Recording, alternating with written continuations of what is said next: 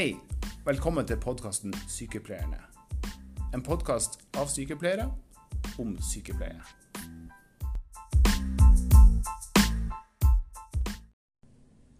Hei, Øystein. Hei, Anette. Gratulerer med dagen. Takk. Ja. I like måte her. Du vet hvilken dag det er i dag? Nei.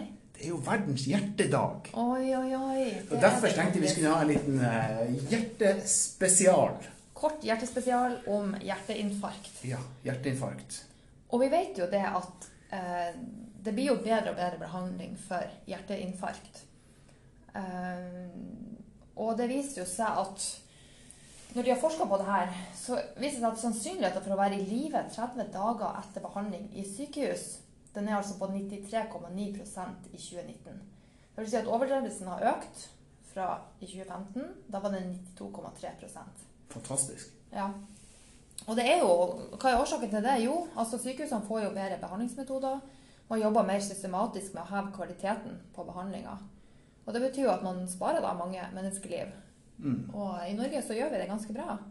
Det er jo også en del pasienter som har høyere risiko for å få hjerteinfarkt. Og det å klare å oppdage de risikofaktorene tidlig og forebygge eventuelle hendelser da, ved å La oss si har du høyt kolesterol, familiær opphopning, så kan du bruke kolesterolsenkende medisin for å unngå å få infarkt senere. Mm.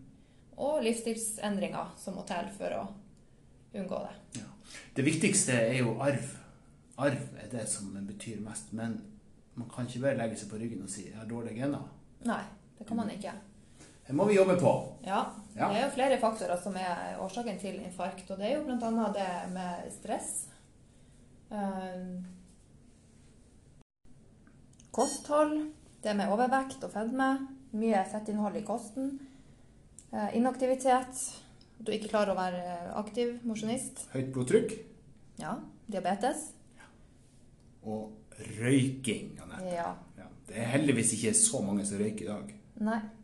som det var før. Nei, det er sant. Og så er det jo sånn at menn er mer disponert enn kvinner, og får gjerne infarkt sånn ca. ti år tidligere enn kvinner. Men med økende alder så er risikoen der for begge kjønn økt. Mm. Eh, hva er symptomene på hjerteinfarkt? da? Ikke hvis, eh, ja, hvis du har et hjerteinfarkt, eller hvis en av dine pasienter har hjerteinfarkt. Ja, hvis jeg eller en av mine bekjente får hjerteinfarkt, så er det standard symptomer, eller som er, gjelder for mange, det er at du får gjerne trykk i brystet, eh, utstråling til hals, utstråling opp i skulder, ut i armen, blir litt nummen. Eh, men du kan òg få mer symptomer som ikke er sånn typisk for hjerteinfarkt. Du kan få vondt i magen, bli kvalm, tungpusta. Ja, så det er egentlig Noen, noen kjenner til og med at du får tannpine og tenker at nå må jeg til tannlegen og fikse den tanna mi som jeg plages med. Sant? For du får stråling opp i kjeven. Og mange kjenner at de bare blir sliten. Mm. Det er tungt. Jeg kjenner ikke at beina mine bærer meg. Mm. Det kan også være Ja. Eh, skjer det veldig akutt, så er det jo kjenner man jo selvfølgelig at det er noe her. Og det er jo viktig for de rundt og, de, og deg sjøl at du forstår at det her er noe som jeg må kontakte legen for. Så ring 113 hvis du opplever, eller hvis du er usikker på om dette kan være symptomer på hjerteinfarkt. Mm. Jo før, jo bedre. Så er de superdyktige og veileder på telefon. Hva skal man gjøre? Viktig å slå et slag for 113, for det bruk- de brukes ikke bare til å få tak i en ambulanse. De kan hjelpe deg masse på veien. Mm. For det er flinke sykepleiere som sitter på 113. Ja.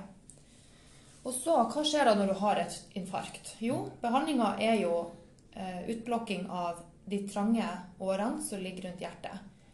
Um, det finnes òg tilfeller der man ikke går for den behandlinga. Er man langt unna et sykehus, så må man få medikamentell behandling. Dvs. Si at man får en sånn type blodfortynnende sterk medisin som åpner opp årene.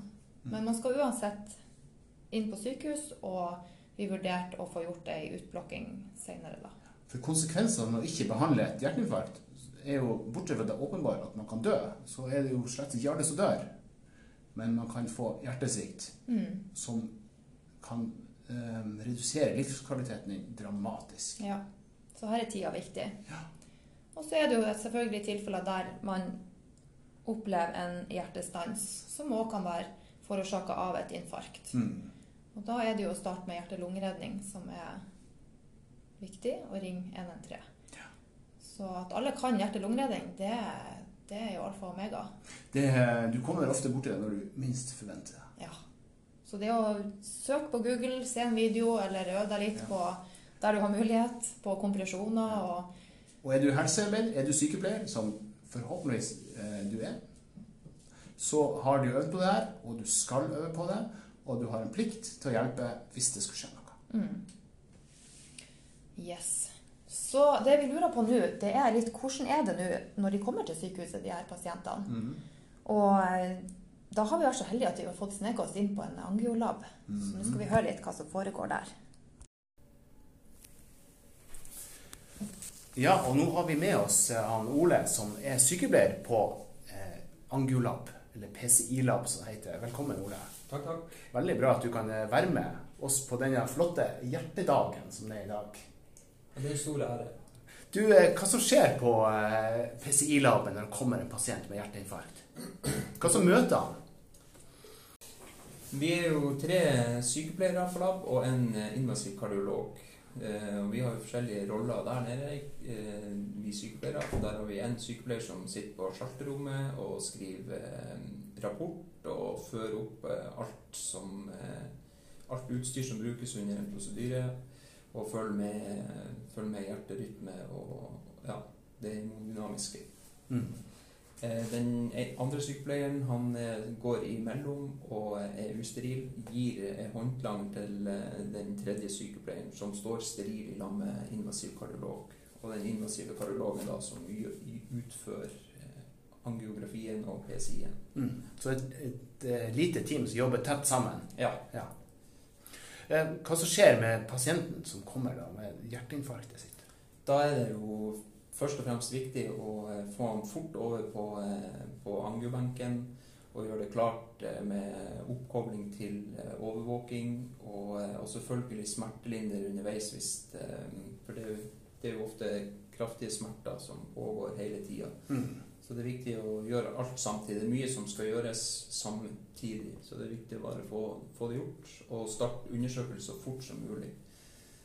Ved et sånn akutt hjerteinfarkt så har man jo veldig liten tid på seg når de kommer på lab, før, man, før angiograføren står klar til å stikke. Og, og gjøre, så da har man ikke tid til å gjøre alt så nøye som man vanligvis gjør. Da Ja. må alt bare kastes opp på bordet omtrent og gjøres sterilt eh, så fort som mulig, og så, eh, og så komme i gang.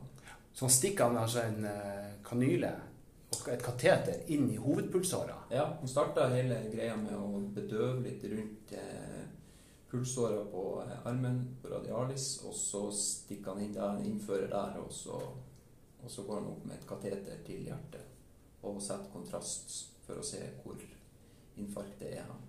Det her ser man på en røntgenskjerm. Det ser man på en eh, røntgenskjerm, ja. Utrolig. Mm. Det er veldig eh, eh, Pasientene merker rask bedring. Det er veldig ofte sånn at man bare trenger å gå inn med en vaier i åra som Det er det første som kommer opp til hjertet før kateteret ledes opp dit. Og ofte når den eh, PCI-vaieren føres inn i det kateteret igjen, så, så kjenner vi at det åpner seg. Så det er svært lite som skal til egentlig når det er så akutt som det. For da er det ikke en stenose det er snakk om, da er det ofte en trombe, så da er det veldig mjukt og lett å åpne. da. da er det tett, men det er lett å åpne. Ja. Det er jo fantastisk at man kan gjøre det.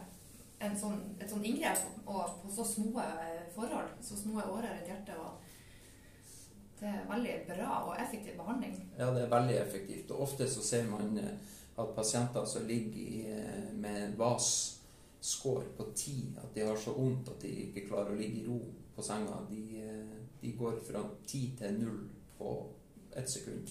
Mm. Så da, det er en veldig effektiv behandling. Mm. Og det stemmer vel at, eh, Anette, at eh, andelen hjertekirurgi har gått kraftig ned pga. denne her type behandlinger. Mm. Så har eh, bypassoperasjoner blitt eh, mindre behov. Ja, og det går enda mer ned faktisk år for år, fordi at eh, ting man kan gjøre bare med PCI-kateter, det blir flere og flere ting man kan gjøre med bare som kateter, eh, guider, eh, ja, operasjoner og alt mulig som man kan gjøre. Så det, er, det blir mindre og mindre ACB-operasjoner. Mm. Og vi snakker jo om det at dødeligheten går ned, Mm. og det er jo veldig bra. Mm. Ja. Tusen takk for at du kunne være med og fortelle oss om eh, livet på PSI-lag. Ja, bare hyggelig.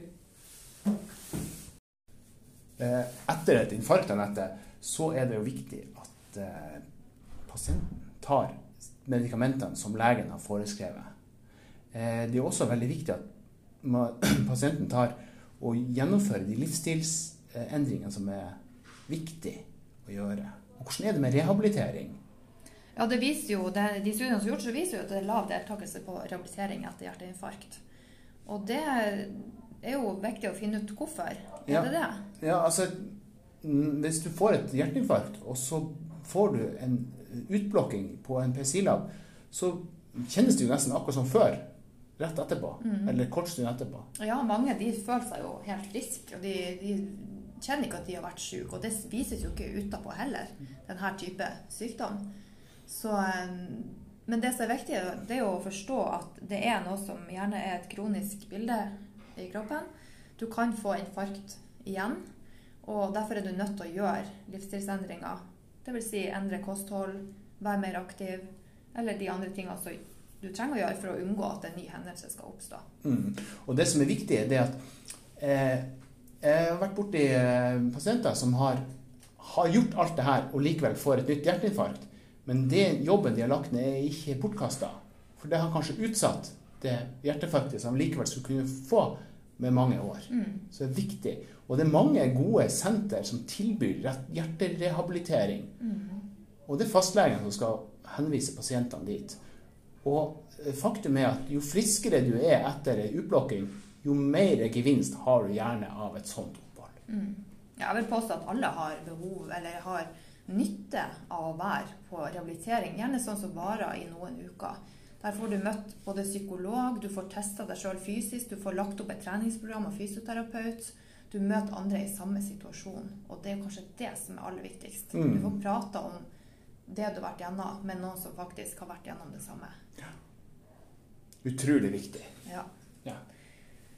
Da har vi hatt en liten snutt om hjerteinfarkt. ja. Utrolig flott å være på PCI-lab. Ja, og vi vet jo at behandlinga fungerer, men vær obs. Har du noen? Kjenner du noen? Har du en pasient, ser litt, eh, har litt vondt, kjenner seg sliten, tenk hjerteinfarkt. Og gjør de handlingene som trengs å gjøres. Tida er av største viktighet. Ha det bra! Ha det!